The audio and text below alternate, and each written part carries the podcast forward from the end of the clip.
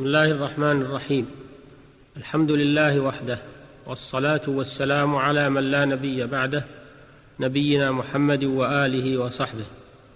وبعد أيها الإخوة المستمعون السلام عليكم ورحمة الله وبركاته. نواصل الحديث معكم في أحكام المواريث في الشريعة الإسلامية. ونخص في حلقتنا هذه التحدث عن ميراث ثلاثة أصناف من النساء.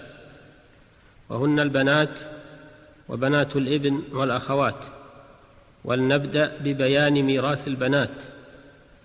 فالبنت الواحدة تأخذ النصف بشرطين الشرط الأول انفرادها عمن يشاركها من أخواتها والشرط الثاني انفرادها عمن يعصبها من إخوتها.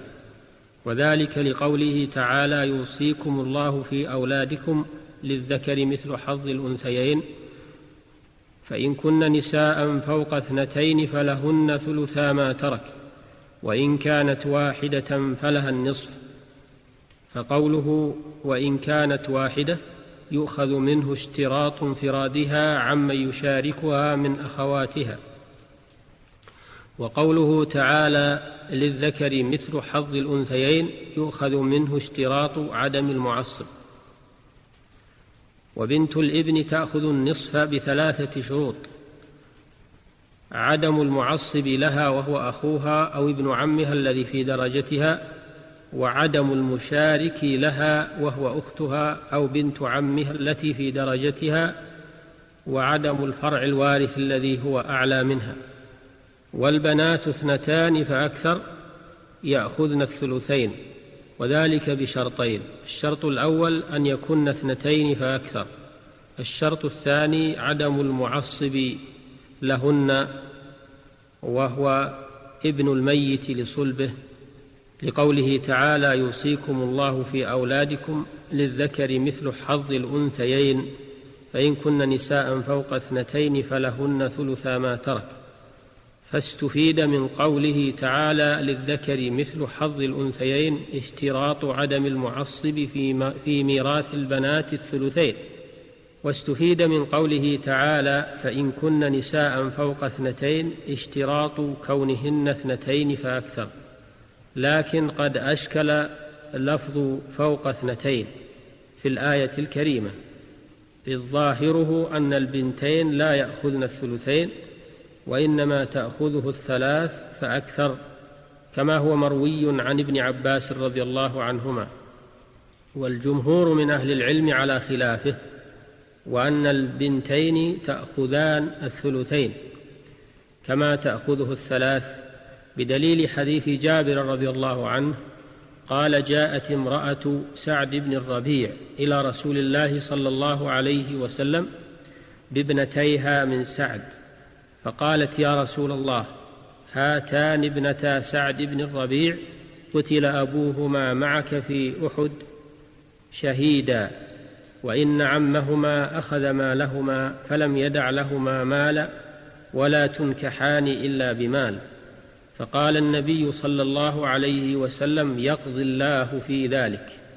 فنزلت آية المواريث. فأرسل رسول الله صلى الله عليه وسلم إلى عمهما فقال أعط ابنتي سعد الثلثين وأمهما الثمن وما بقي فهو لك. رواه الخمسة إلا النسائي وحسنه الترمذي. والمراد بآية المواريث هي قوله تعالى يوصيكم الله في أولادكم للذكر مثل حظ الأنثيين. فإن كن نساء فوق اثنتين فلهن ثلثا ما ترك. فهذا الحديث يدل على أن للبنتين الثلثين وهو نص في محل النزاع وتفسير من النبي صلى الله عليه وسلم لقوله تعالى فإن كن نساء فوق اثنتين فلهن ثلثا ما ترك.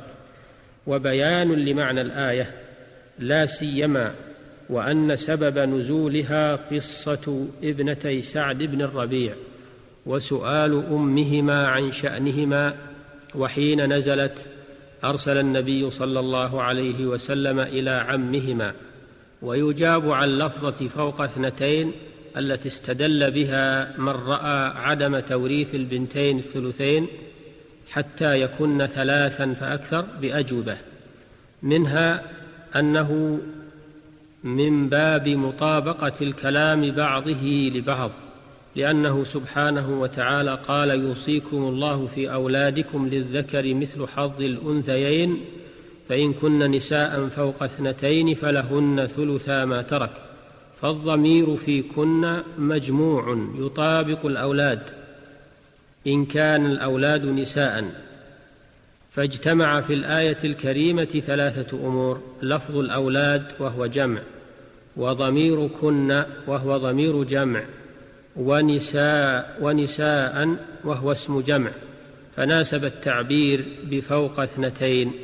ومن الأجوبة عن هذا الإشكال أيضا أن الله تعالى جعل للذكر مثل حظ الأنثيين فإذا أخذ الذكر الثلثين والأنثى الثلث علم قطعا أن حظ الاثنتين الثلثان.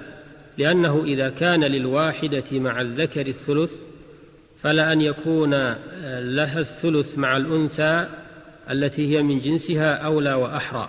وهذا من التنبيه بالأدنى على الأعلى.